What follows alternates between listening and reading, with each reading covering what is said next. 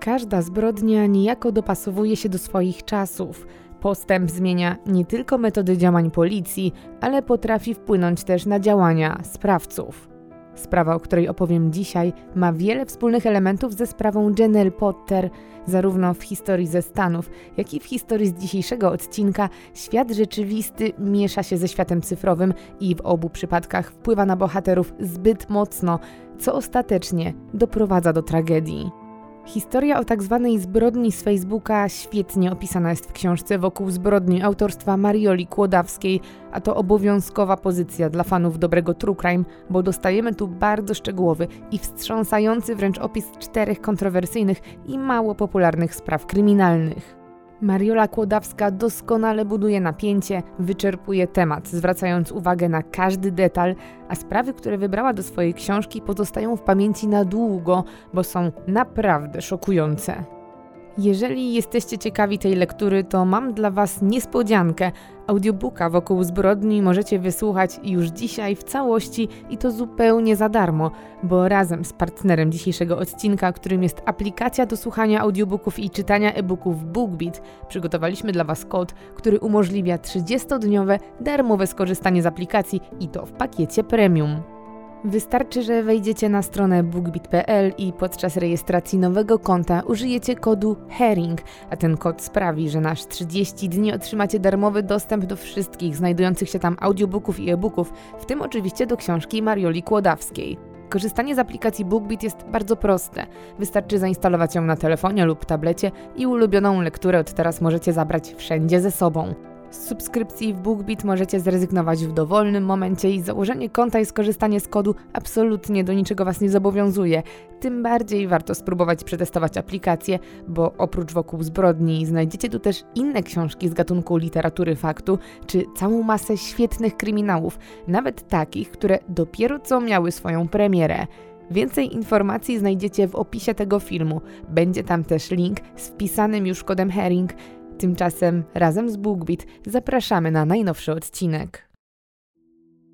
Sprawa, o której dzisiaj opowiem, jest historią z pogranicza świata wirtualnego, magicznego i zwykłej szarej rzeczywistości.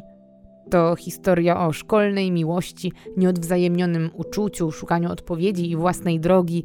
Historia, która brzmi jak codzienność większości młodych ludzi wchodzących w dorosłość i ciekawych świata. W tym wypadku jednak wszystko się miesza. Zacierają się granice. Nierealny świat przysłania zdrowy rozsądek, a szczenięca wręcz miłość w którymś momencie przeradza się w nienawiść. Ostatecznie ta mieszanka emocji i bodźców doprowadza do tragedii, której do dzisiaj nikt nie może zrozumieć, włącznie ze sprawcą.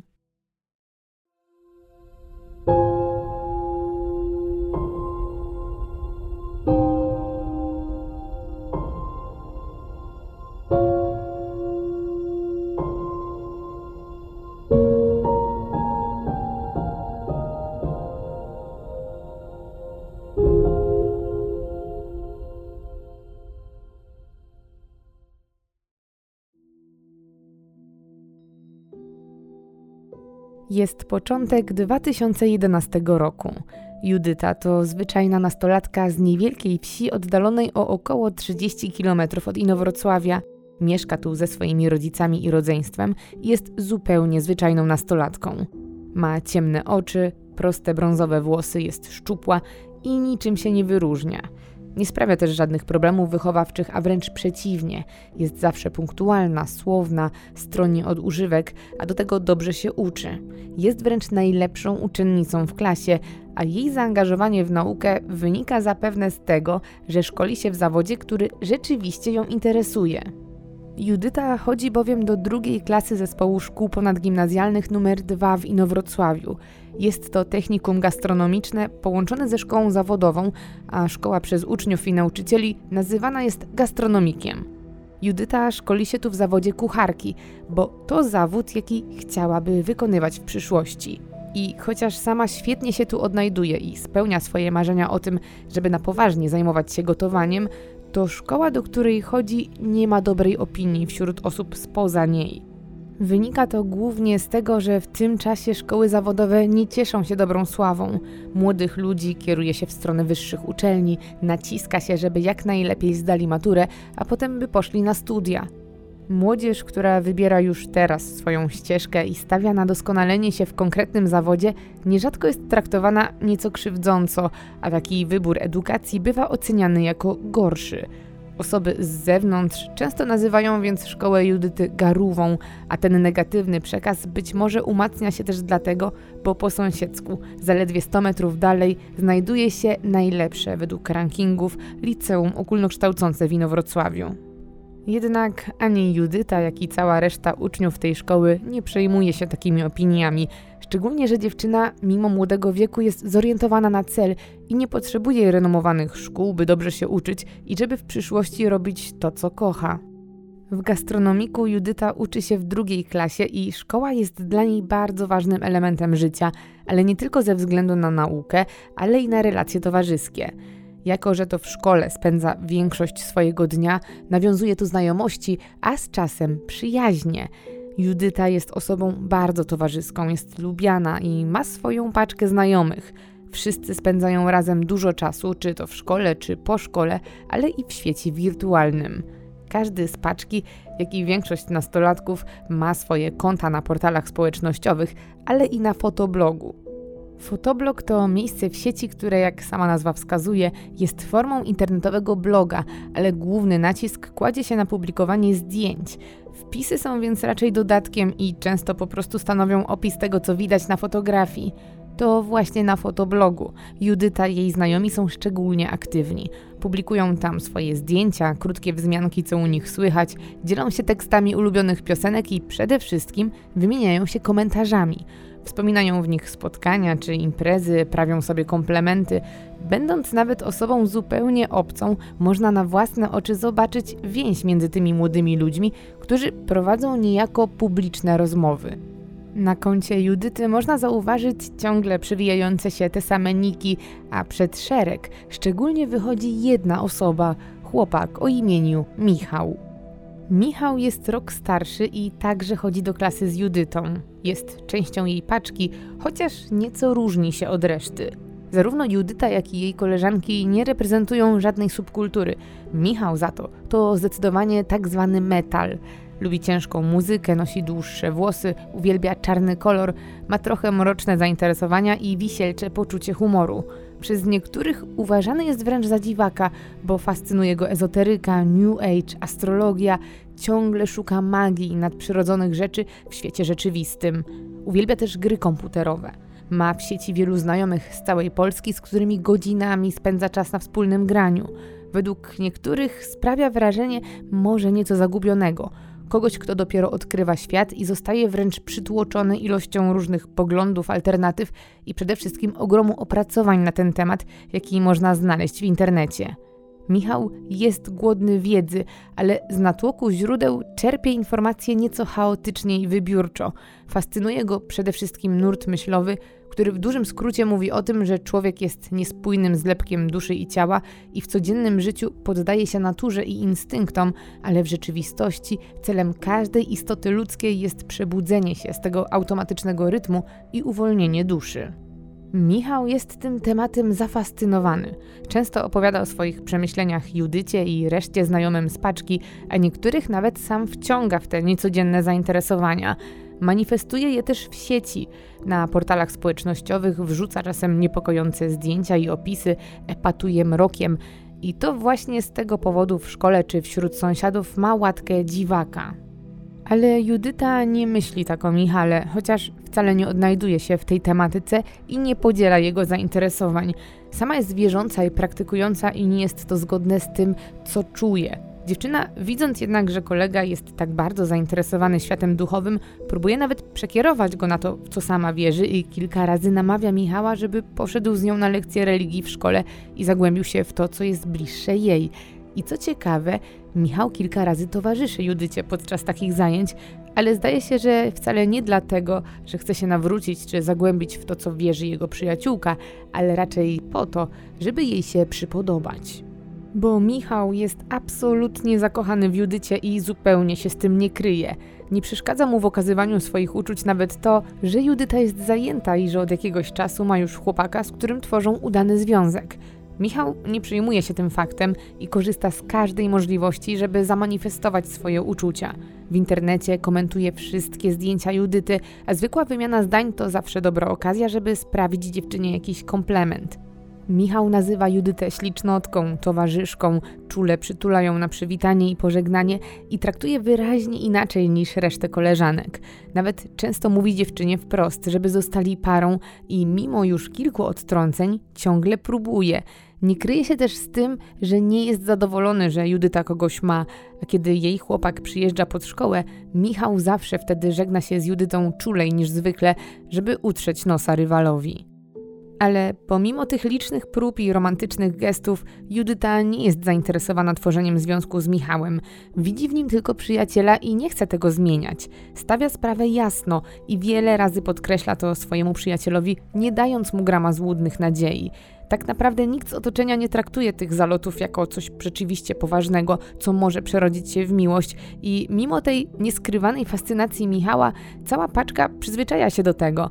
Ciągle trzyma się razem, dobrze się dogaduje i nie wpływa to szczególnie na relacje wewnątrz grupy.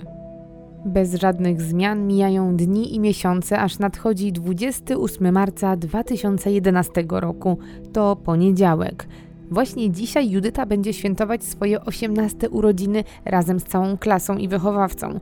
Chociaż tak naprawdę swoje urodziny dziewczyna miała już 22 marca, czyli 6 dni wcześniej, to na dzisiaj zaplanowana została impreza w szkole. W gastronomiku panuje zwyczaj, że solenizant musi coś postawić, a jako że w szkole uczą się gotować, to naturalną koleją rzeczy jest to, że powinien to być własnoręcznie przygotowany tort. W zamian znajomi z klasy przygotowują prezenty dla osoby wchodzącej w dorosłość, a jako że to przełomowy czas, prezenty mają być też nieco symboliczne i krępujące. Każda osoba, która kończy 18 lat, obdarowywana jest przez klasę erotycznymi gadżetami czy skąpą bielizną.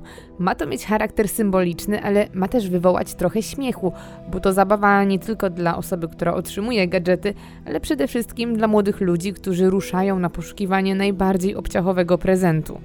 28 marca zapowiada się więc na dzień pełen atrakcji. Judyta wstaje tego dnia z samego rana, a na stole czeka już gotowy tort. Dziewczyna zabiera go ze sobą i rusza ze swojej niewielkiej wsi do Inowrocławia. Dojeżdża tam PKS-em, a z przystanku odbierają Michał, który ma pomóc jej, żeby tort dotarł do szkoły w całości.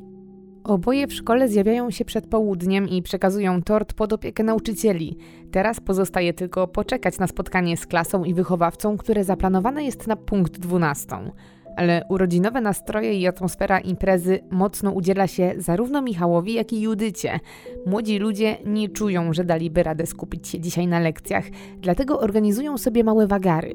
Naciska na nie szczególnie Michał, bo ma dla solenizantki wyjątkowy prezent, który chce jej podarować na osobności. Jak postanawiają, tak robią i wychodzą ze szkoły. Mija kilka godzin i wybija godzina dwunasta.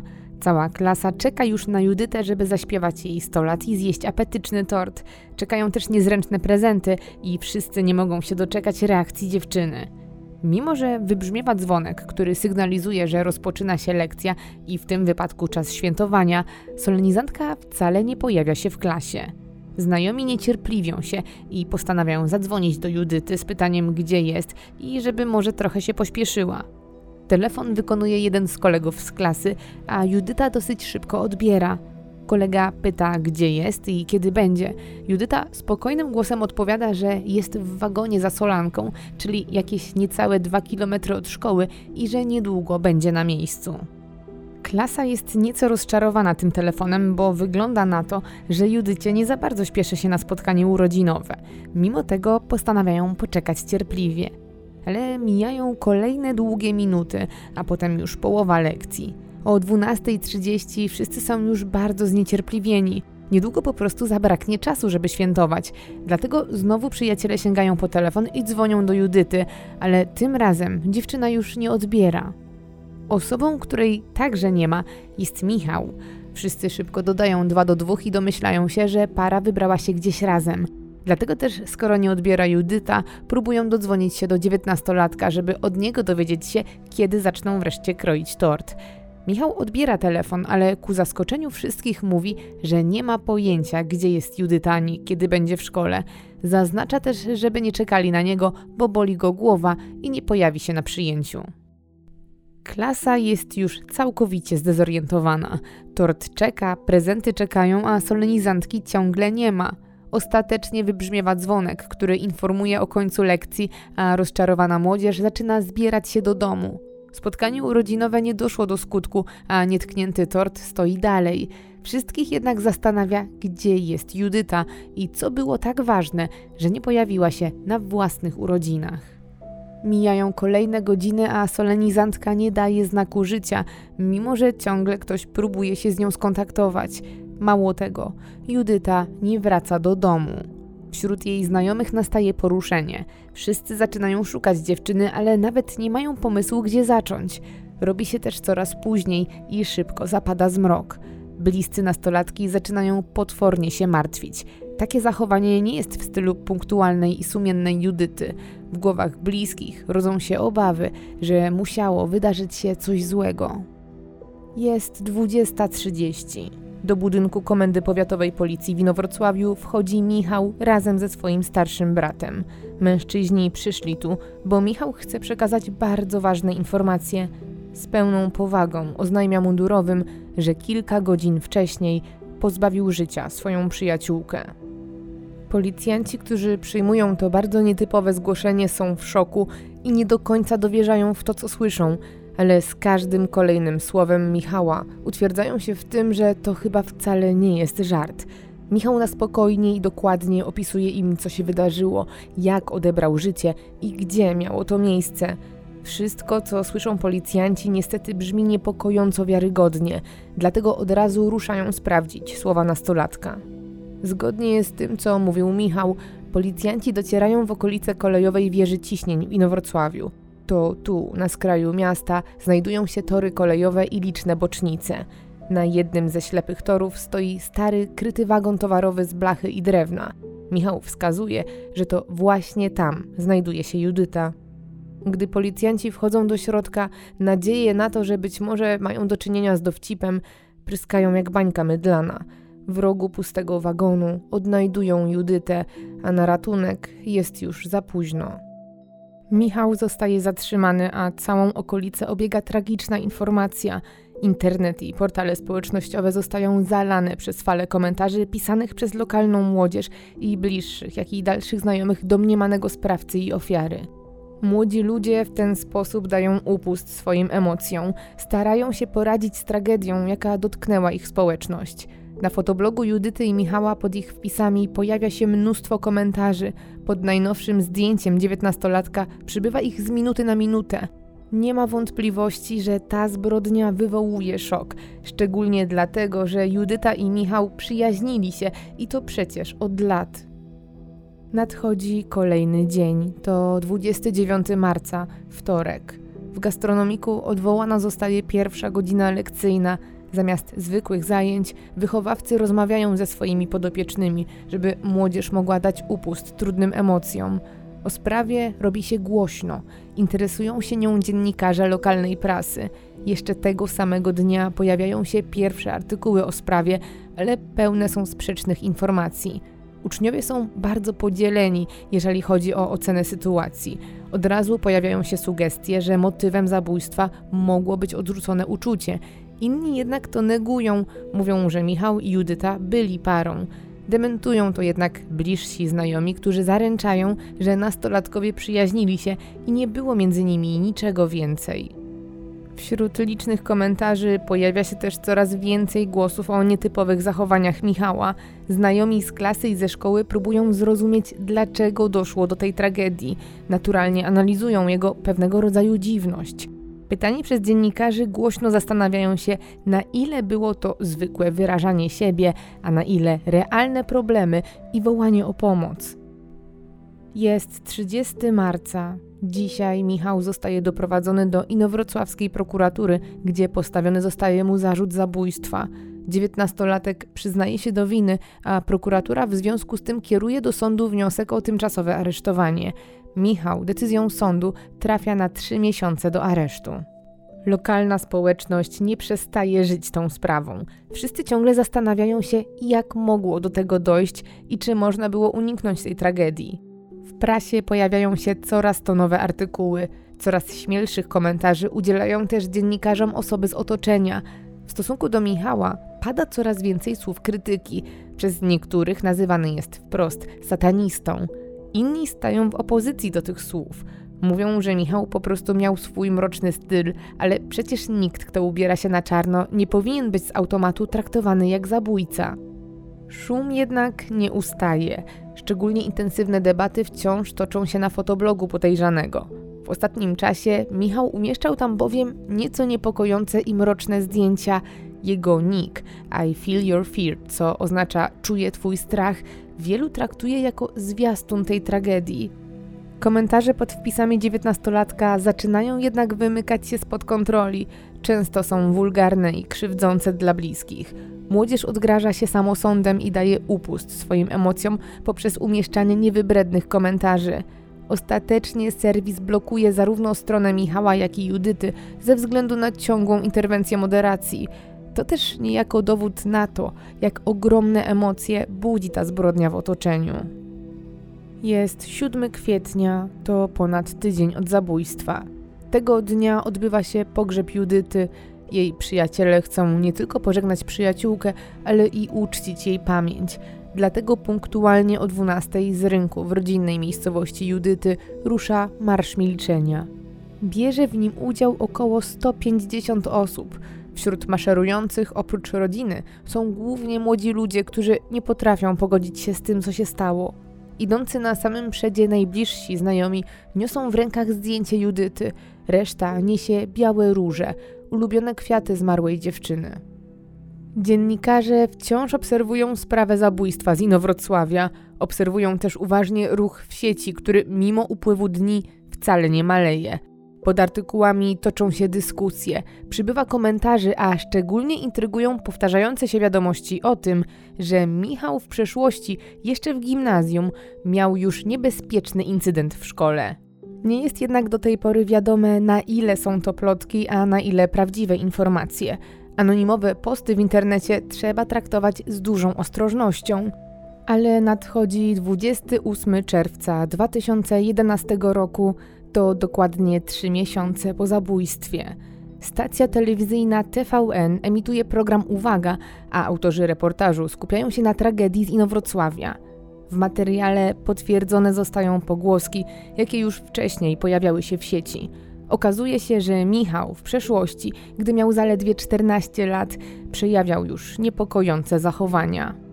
W gimnazjum, zanim znalazł się w gastronomiku, także szaleńczo zakochał się w koleżance z klasy i podobnie jak w przypadku z Judytą, dziewczyna nie chciała z nim być. W tym wypadku jednak Michał od razu źle zniósł odrzucenie.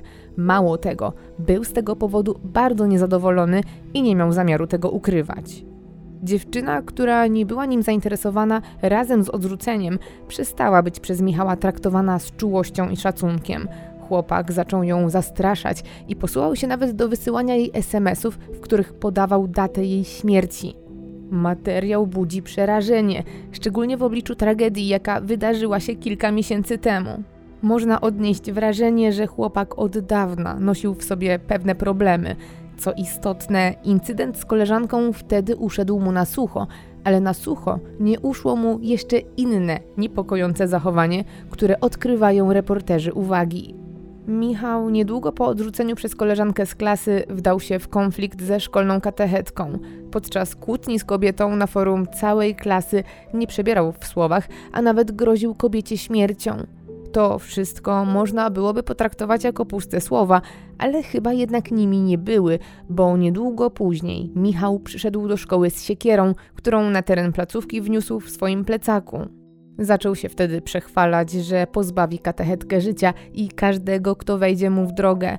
Oświadczał też, że jeśli wyląduje w więzieniu i kiedyś z niego wyjdzie, zemści się na każdym, kto postanowi zeznawać przeciwko niemu. Katechetka, przerażona agresywnym zachowaniem tak młodego człowieka, nie tylko poinformowała o sprawie dyrekcję szkoły czy rodziców Michała, ale też obawiając się o własne życie, prokuraturę. Po tym zdarzeniu Michał objęty został opieką kuratora, który sprawował nad nim pieczę przez kolejne 4 lata. Przez ten czas nie miały miejsca już żadne niepokojące incydenty. Rodzice nastolatka poproszeni zostali o interwencję i skonsultowanie dziwnych zachowań syna z psychologiem, a także psychiatrą. W reportażu dyrekcja gimnazjum podkreśla jednak, że ostatecznie nie otrzymali żadnych wyników badań ani żadnych opinii lekarskich. Sprawa można powiedzieć, że rozeszła się po kościach, a Michał po krótkiej przerwie wrócił do szkoły. Reportaż ponownie wywołuje burzę i rodzi coraz więcej pytań. Okazuje się też, że o przykrych sytuacjach z gimnazjum nie miała pojęcia dyrekcja technikum. W sieci znowu wrze. Pojawia się coraz więcej komentarzy osób zbulwersowanych i zadających sobie pytanie, czy można było tego uniknąć, czy ten incydent w połączeniu z nieco ekscentrycznym zachowaniem Michała, jego dziwnym stylem i niecodziennymi zainteresowaniami nie był sygnałem, że problem jest głębszy czy nie było tu może wołania o pomoc, którego nikt nie potraktował poważnie? Te pytania zaczynają być zadawane jeszcze głośniej, gdy śledztwo toczy się dalej i mają miejsce kolejne przesłuchania Michała. Chłopak współpracuje, ze szczegółami opowiada o tym, co zaszło, a wszystko, co mówi, ma potwierdzenie w zebranym do tej pory materiale dowodowym, w tym w pewnym nagraniu. W trakcie popełniania zbrodni Michał na swoim nadgarstku miał tak zwany zegarek szpiegowski z funkcją nagrywania audio i wideo. Podczas tragedii w wagonie, prawdopodobnie przez przypadek, takie nagrywanie włączyło się, rejestrując to, co tam zaszło. Chociaż więc śledztwo jeszcze się nie zakończyło, to dowody są mocne, a Michał nie wypiera się tego, że to za sprawą jego rąk zginęła jego najlepsza przyjaciółka. Mimo tego dzieje się coś dziwnego, bo chłopak wcale nie wyraża skruchy, a wręcz zarzeka się, że to nie on jest odpowiedzialny za śmierć Judyty. Jak twierdzi, stało się to za sprawą demona Banshee, który wstąpił w niego i który odebrał życie dziewczynie jego rękami, ale bez jego zgody na ten czyn. Śledczy są całkowicie skołowani tym, co słyszą, a tłumaczenia Michała brzmią nierealnie, ale ten idzie w zaparte – Ciągle ubolewa nad śmiercią Judyty, ale tłumaczy, że nic nie mógł zrobić, bo był pod kontrolą demona, który w ten sposób chciał udowodnić mu, że jest silniejszy od niego i zamanifestować swoją wyższość. Michał zaczyna zagłębiać śledczych w swoje rozumowanie świata i opowiada, że istnieją w nim dwie niematerialne osoby, które tak naprawdę nim sterują. Zwierza się, że żyje w nim zły Joker lub Banshee, ale i romantyk, który zbudził się, gdy poznał Judytę. Mówi, że te dwa byty od dawna toczą w nim wewnętrzną walkę dobra ze złem, światła z mrokiem i to z różnym tego skutkiem. Dobro objawia się pozytywnym nastrojem i troską o Judytę, zło natomiast fatalnym humorem i czarnymi myślami. To jednak dla prowadzących śledztwo nie koniec zaskoczeń. Okazuje się, że o dwóch duszach żyjących w Michale wiedzą znajomi podejrzanego – Chłopak często zwierzał im się, że rządzą nim obce dusze. Jeden z kolegów z klasy, również zafascynowany podobną tematyką, proponował nawet Michałowi, aby ten próbował poddać się egzorcyzmom, żeby wypędzić z siebie nieproszonych gości. To wszystko wprawia śledczych w coraz większą konsternację i utwierdza w tym, że mają do czynienia z przypadkiem innym niż wszystkie do tej pory. Trakcie żmudnych przesłuchań świadków wciąż wychodzą nowe informacje, jak wyrwane z mrocznego opowiadania. Okazuje się, że miejsce, w którym zginęła Judyta, nie było przypadkowe. Mało tego, ten sam przyjaciel, który wspominał o egzorcyzmach, zaznacza, że porzucony na bocznicy wagon towarowy był dla Michała miejscem ważnym, miejscem, które go fascynowało, o którym często mówił, ale i które podejrzany nazywał dosłownie naznaczonym śmiercią. Przyjaciel od egzorcyzmu zwierza się śledczym, że gdyby tylko wiedział, że Michał planuje zabrać Judytę właśnie tam, to na pewno by go powstrzymał. Wiedział, że dla Michała to miejsce było jak łącznik między dwoma światami światami żywych i umarłych. Jedną z przesłuchiwanych jest też przyjaciółka Michała, która podziela zainteresowania podejrzanego i wprowadzała go w świat ezoteryki. Dziewczyna także sprawia wrażenie osoby, która szczerze wierzy w moc, jaka panuje w wagonie.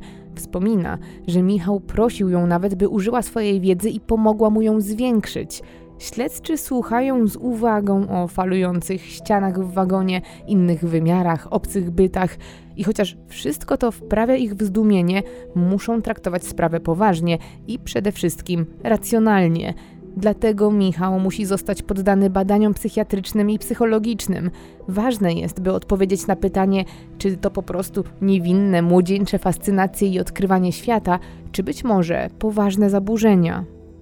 Trakcie trwającego śledztwa chłopak trafia do szpitala psychiatrycznego w Szczecinie, gdzie spędza 8 tygodni pod ścisłą obserwacją biegłych lekarzy.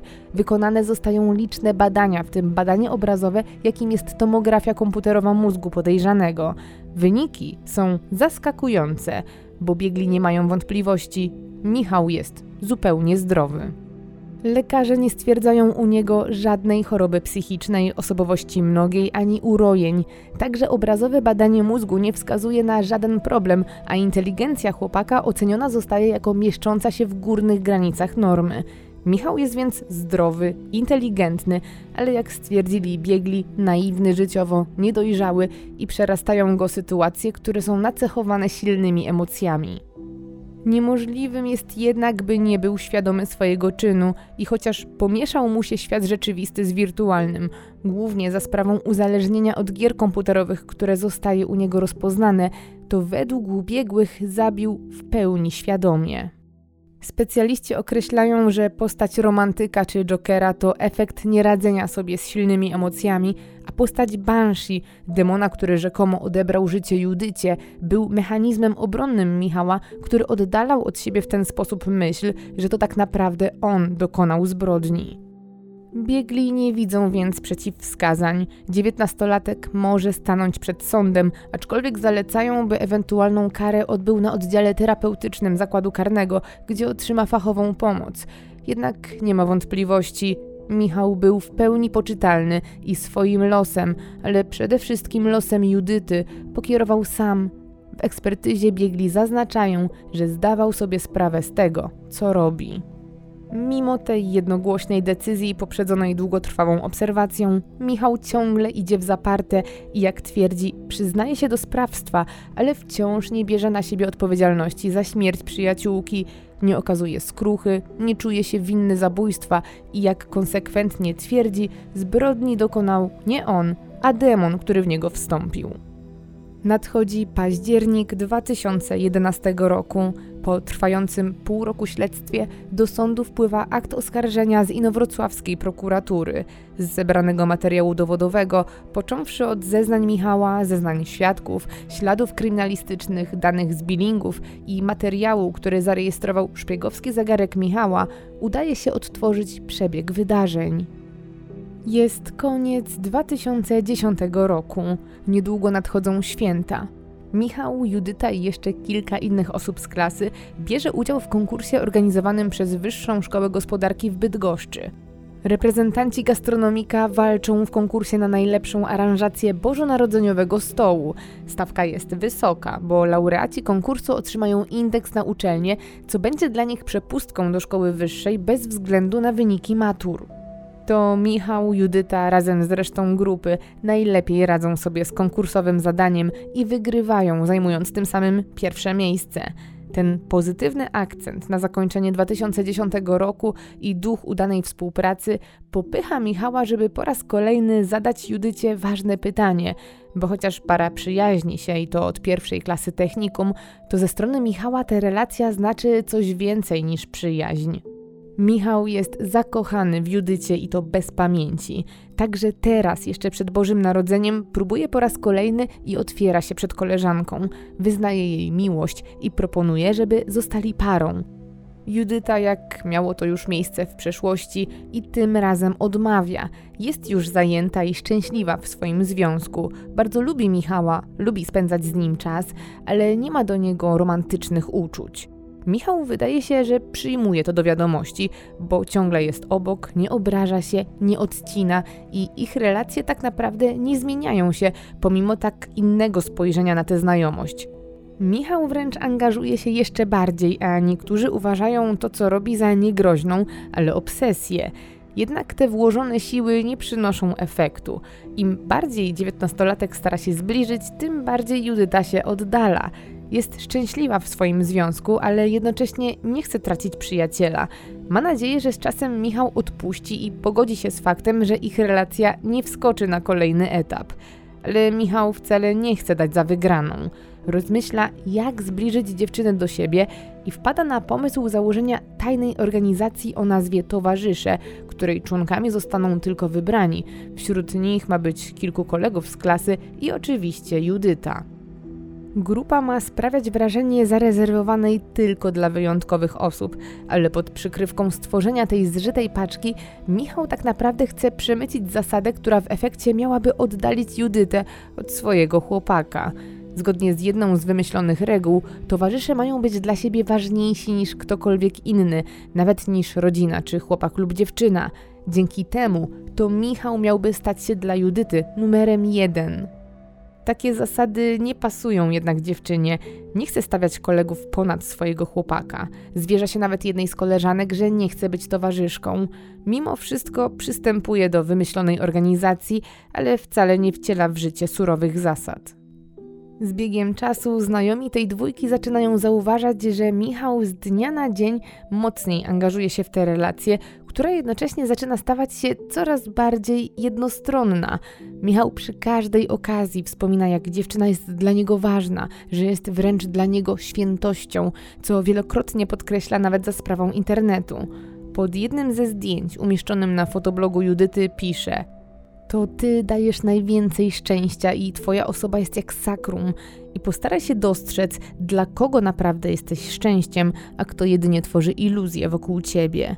Nie odbieraj tego szczęścia osobom, dla których naprawdę to jest jedyne jego źródło przez jakieś dziwne wymysły. I tak się zastanawiam, czy ty tylko wywołujesz u innych to szczęście, czy jeszcze jakieś inne doznania, takie jak we mnie. Dochodzi do sytuacji, że ciężko porozmawiać z dziewiętnastolatkiem o czymkolwiek innym niż o Judycie. Ciągle szuka pretekstu, żeby nawiązać do niej. Kiedy już naprawdę nie ma pomysłu, jak zacząć temat, to opowiada na przykład o swoich snach, w których ratuje Judytę, gdzie jest jej wybawcą. Opowiada o tym z takim zaangażowaniem, że niektórzy już czasem nie wiedzą, czy to rzeczywiście sny, czy może już jego fantazje. Zresztą to, co dzieje się w snach, Michał w miarę możliwości przekłada na codzienność i zachowuje się jak obrońca Judyty. Na przykład, kiedy wybija ostatni dzwonek lekcyjny i wszyscy zbierają się do domu, Michał wcale nie kieruje się do siebie jak inni. Najpierw osobiście odprowadza Judytę na przystanek PKS, z którego odjeżdża jej autobus do domu. To jednak dla niego za mało, bo czeka aż po dziewczynę przyjedzie transport i dopiero kiedy ta wsiądzie do niego, a kierowca ruszy, Michał czuje się zapewniony, że jego ukochana jest bezpieczna i w poczuciu spełnionego obowiązku sam może wrócić do domu. Ta niecodzienna wręcz troska sprawia, że nikt z otoczenia nie widzi żadnego zagrożenia i nawet przez chwilę znajomym pary nie przechodzi przez myśl, że Michał, który pilnuje i broni Judyty na każdym kroku, mógłby zrobić jej krzywdę. Takie myśli wręcz kłóciłyby się z jego rolą stróża i troskliwą naturą. Ale nadchodzi 28 marca 2011 roku. Właśnie dzisiaj Judyta z okazji 18 urodzin, które miała tydzień wcześniej, organizuje małe przyjęcie dla klasy. Specjalnie na ten dzień przygotowała tort, którym podzieli się ze znajomymi i wychowawcą. Dzisiejszego świętowania nie może doczekać się nie tylko dziewczyna, ale i Michał, a to dlatego, bo przygotował dla Judyty wyjątkowy prezent, który zaplanował, że wręczy jej na osobności. Zgodnie z urodzinową konwencją kupił jej nieco zadziorny prezent, bo czarny gorset, ale jest przekonany, że upominek oprócz tego, że pasuje do zwyczaju, to rzeczywiście spodoba się solenizantce. Spotkanie klasowe ma zacząć się o 12, ale Marcin od rana pisze już do Judyty SMSy i naciska, żeby ich spotkanie odbyło się jeszcze przed imprezą.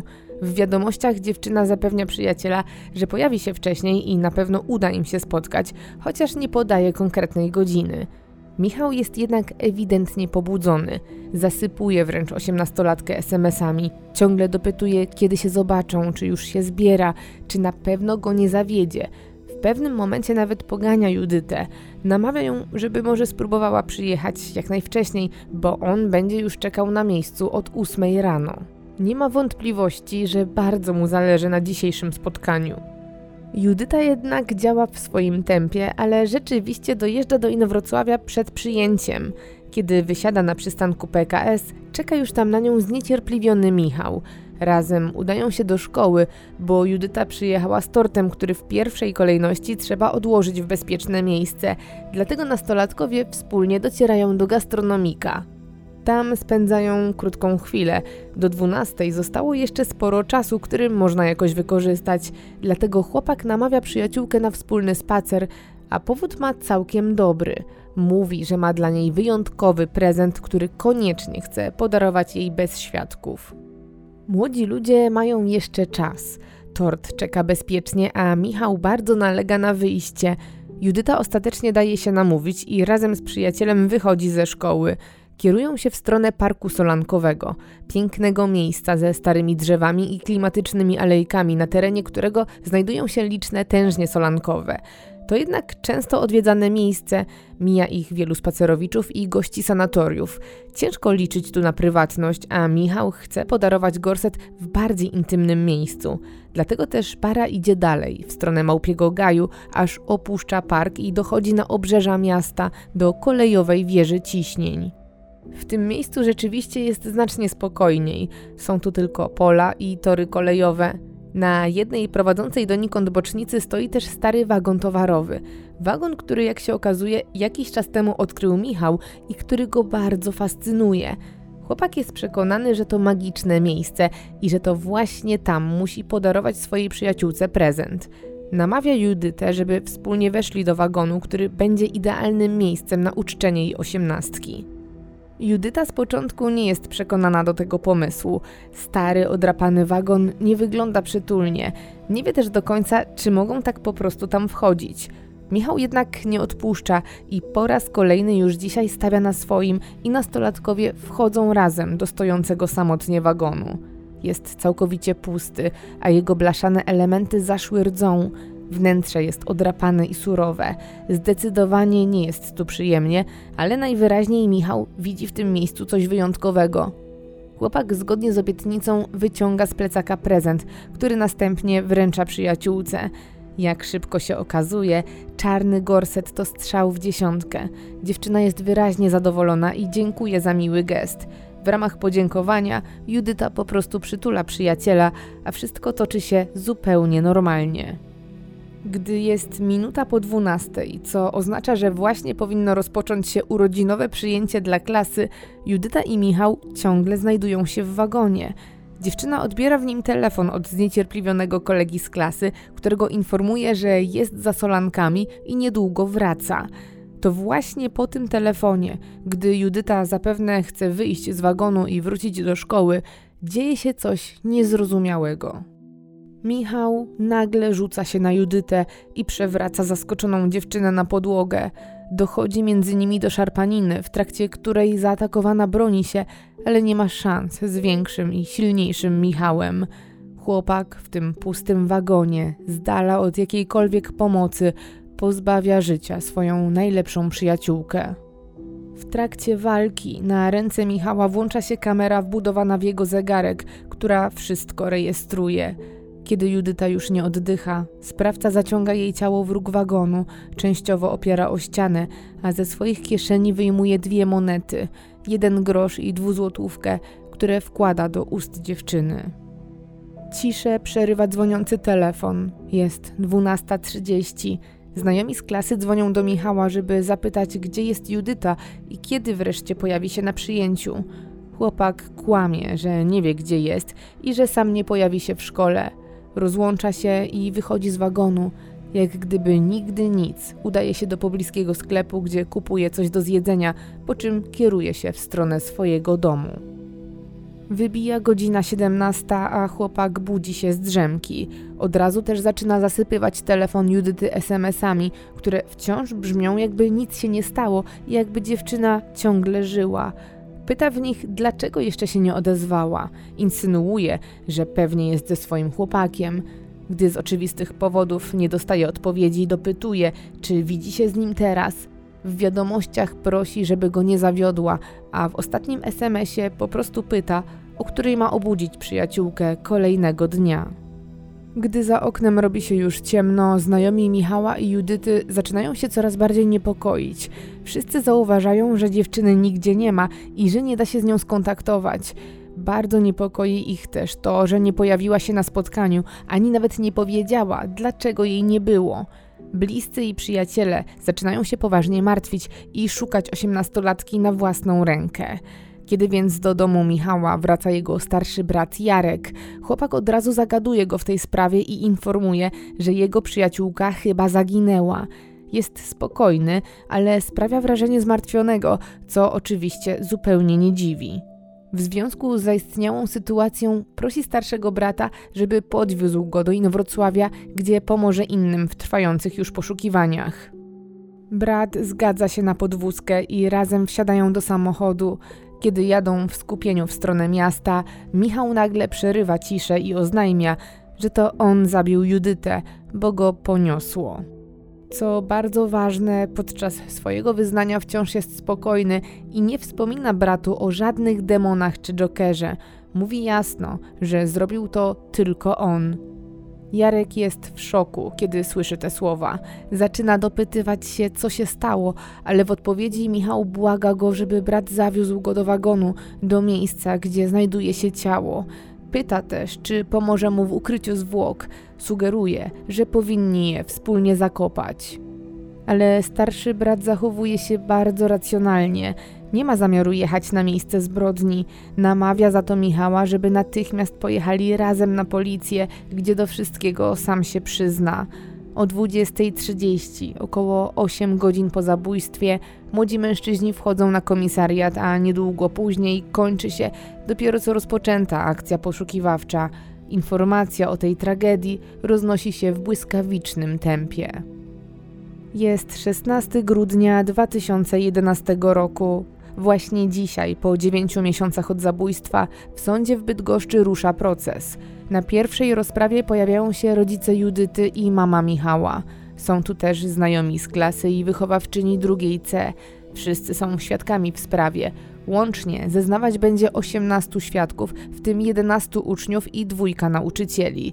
Gdy wszyscy czekają w ciszy pod salą, nagle wśród dziennikarzy tworzy się poruszenie – Właśnie teraz, w asyście policjantów, przez korytarz prowadzony jest Michał. Ma ścięte na krótko włosy, uśmiecha się i kiwa na przywitanie głową do znajomych z klasy. Proces rozpoczyna się od odczytania aktu oskarżenia. To bardzo emocjonujący moment, który wywołuje łzy wśród bliskich zarówno ofiary, jak i sprawcy. Po odczytaniu aktu oskarżenia sędzia pyta Michała, czy to on pozbawił życia Judytę i czy przyznaje się do zarzucanych mu czynów. Chłopak bez namysłu odpowiada, że nie przyznaje się do winy i że odmawia składania wyjaśnień, a odpowiadać będzie tylko na pytania zadawane przez swojego obrońcę. Na wniosek zarówno obrony, jak i oskarżyciela proces będzie toczył się za zamkniętymi drzwiami, a jego jawność, ze względu na dobro rodziny i ofiary i drastyczne szczegóły, zostaje wyłączona. Wszyscy, poza świadkami, proszeni są o opuszczenie sali. Mimo wszystko dziennikarze próbują porozmawiać z przybyłymi na miejsce znajomymi Michała i Judyty. Większość nie chce rozmawiać, a ci, którzy coś mówią, proszą o anonimowość, bo boją się ewentualnej zemsty i tego, że Michał zostanie uznany za osobę niepoczytalną i że szybko wyjdzie na wolność. Podkreślają jednak, że nigdy nie przypuszczaliby, że za tymi, jak myśleli, dziwactwami kryje się prawdziwe zło – nie myśleli też, że ich znajomy, osoba, którą lubili i darzyli sympatią, mogłaby posunąć się do takiego czynu i to w stosunku do Judyty. Jest 12 września 2012 roku. Proces toczy się już od 9 miesięcy i zaczyna dobiegać końca. Dzisiaj swoje ekspertyzy prezentują biegli z zespołu psychiatrów ze szpitala ze Szczecina, a po nich nastąpią mowy końcowe. To znak, że na dniach zapadnie wyrok i ten dzień nadchodzi. Jest 18 września. Na sali sądowej zbierają się świadkowie, dziennikarze, grono sędziowskie i prokuratorzy. Jest tu też rodzina Judyty, jej rodzice i brat, a także tłum fotoreporterów i dziennikarzy, którzy czekają szczególnie na Michała. Ten jednak się nie zjawia i jak przekazuje sędzia, oskarżony nie będzie obecny podczas ogłoszenia orzeczenia. Około godziny 13 sędzia odczytuje, że oskarżony zostaje uznany winnym tego, że 28 marca 2011 roku w wagonie na bocznicy kolejowej przy ulicy Bocznej w Inowrocławiu doprowadził do śmierci Judyty. Działał z zamiarem bezpośrednim, a śmierć nastąpiła na skutek uduszenia w mechanizmie zadławienia. Następnie sędzia odczytuje długą listę obrażeń. Michał zostaje skazany na karę 25 lat pozbawienia wolności, a sąd nie ma żadnych wątpliwości co do jego winy. Nie otrzymuje kary dożywotniego pozbawienia wolności ze względu na swój młody wiek. 25 lat za kratami to najwyższa kara, jaką przewiduje kodeks karny dla osoby młodocianej, czyli takiej, która nie ukończyła 21 roku życia. Zarówno w sądzie apelacyjnym, jak i w sądzie najwyższym ten wyrok zostaje utrzymany. Rodzice Judyty, mimo że zabójca ich córki otrzymał najwyższą możliwą karę, są rozczarowani, bo oznacza to, że Michał w najgorszym dla niego wypadku wyjdzie z więzienia w wieku około 45 lat, a o przedterminowe zwolnienie będzie mógł zacząć ubiegać się już za kilka lat. Jego bliscy wciąż mogą do niego zadzwonić, spotkać się z nim, mogą na niego czekać – Judyta swoją szansę na życie straciła bezpowrotnie i nigdy już nie wpadnie w objęcia swoich bliskich. Dzień po aresztowaniu Michał napisał list do jednej z koleżanek z klasy. Fragmenty tego listu opublikowane są w reportażu autorstwa Heleny Kowalik o tytule Zabójstwo w wagonie i brzmią następująco, cytuję: Ech, w głowie mam pustkę, wszystko mi się kojarzy z G, Cały czas mam ją przed oczami. Dlaczego zginęła? Jak to możliwe, że on ją zabił i to w taki sposób? Pierwszej nocy w areszcie Banshee powiedział mi, dlaczego to zrobił. Chciał udowodnić, że jest silniejszy ode mnie. Nie wyobrażacie sobie, jak za nią tęsknię. Przepraszam was. Proszę, wyślijcie mi zdjęcie G. Myślałem, że przestanie ją męczyć i nie zabije. Tymczasem zacisnął pięść na jej krtani. Jej oczy z rozumnych zrobiły się szkliste, była w nich pustka. Zaciągnął się zapachem jej włosów i patrzył, jak uchodzi z niej życie. Wsadził rękę pod jej koszulkę, aby sprawdzić, czy serce bije. Było ledwo wyczuwalne. Jeszcze raz sprawdził i jeszcze raz. Wyciągnął z moich kieszeni dwie monety, włożył jej pod język, żeby dusza mogła się opłacić Haronowi, który będzie ją przewoził przez Styks. Przysunął twarz do jej twarzy, powąchał ją, wstał i wyszedł. Przed opuszczeniem wagonu obrócił się i puścił do niej oczko. Koniec cytatu. Judyta miałaby dzisiaj 29 lat. Jej życie przedwcześnie zakończył jej przyjaciel, osoba, której ufała i która wręcz do tej pory chroniła ją i dbała o jej bezpieczeństwo. Michał odebrał życie osobie, którą podobno kochał, osobie, która była mu zawsze życzliwa i pomocna. Bez powodu i nieodwracalnie zabrał córkę, siostrę, koleżankę, zabił dopiero rozwijające się życie. Na domiar złego zrobił to w dniu ważnym dla Judyty, kiedy była szczęśliwa, spokojna i kiedy miała świętować z resztą przyjaciół swoją wyczekiwaną osiemnastkę. Przez, jak myślała przyjaciela, nie zdążyła zdmuchnąć świeczek ani nacieszyć się wejściem w dorosłość. Poszła przecież na zwykły spacer z osobą, z której strony nie miała prawa spodziewać się doznania krzywdy. Michał zdradził Judytę. Z egoistycznych i tak naprawdę nie do końca określonych pobudek odebrał ją światu, a na koniec, mimo pewnej diagnozy biegłych na temat tego, że był całkowicie świadomy w momencie zabójstwa, aż do samego końca szedł w zaparte i ostatecznie nie wziął na siebie odpowiedzialności za śmierć swojej najlepszej przyjaciółki. Razem z partnerem dzisiejszego odcinka dziękujemy za wysłuchanie. Serdecznie polecam Wam cały reportaż Heleny Kowalik o historii Judyty i Michała, który jest bogaty w liczne szczegóły na temat tej sprawy. Znajdziecie go m.in. w audiobooku Miłość, zbrodnia, kara, który dostępny jest w aplikacji BookBeat. W opisie tego filmu zamieszczam link z wpisanym już kodem Herring, który zapewni Wam 30-dniowy darmowy dostęp do wszystkich audiobooków i e-booków w BookBeat. Jeżeli chcesz wesprzeć moją twórczość, zapraszam Cię na patronite.pl ukośnik Olga Herring i na moje media społecznościowe, szczególnie na Instagram. Wszystkie linki znajdziesz w opisie filmu. Serdeczne podziękowania kieruję także do wszystkich moich patronów, a szczególnie do tych, którymi są Angelika, Joker Hamburg, Sławek, Rudy Lisek, Alina, Dawid B., Rafał, Karolina, Bartek, Adrianna, Kamila, Maciek D., Asia, Waleczna Świnka, Dawidka, Paulina, Hańcza, Łukasz, Olga Agata, Kasia, u babci Straszy, Olga S., Martala i Gosia. Dziękuję, że jesteście.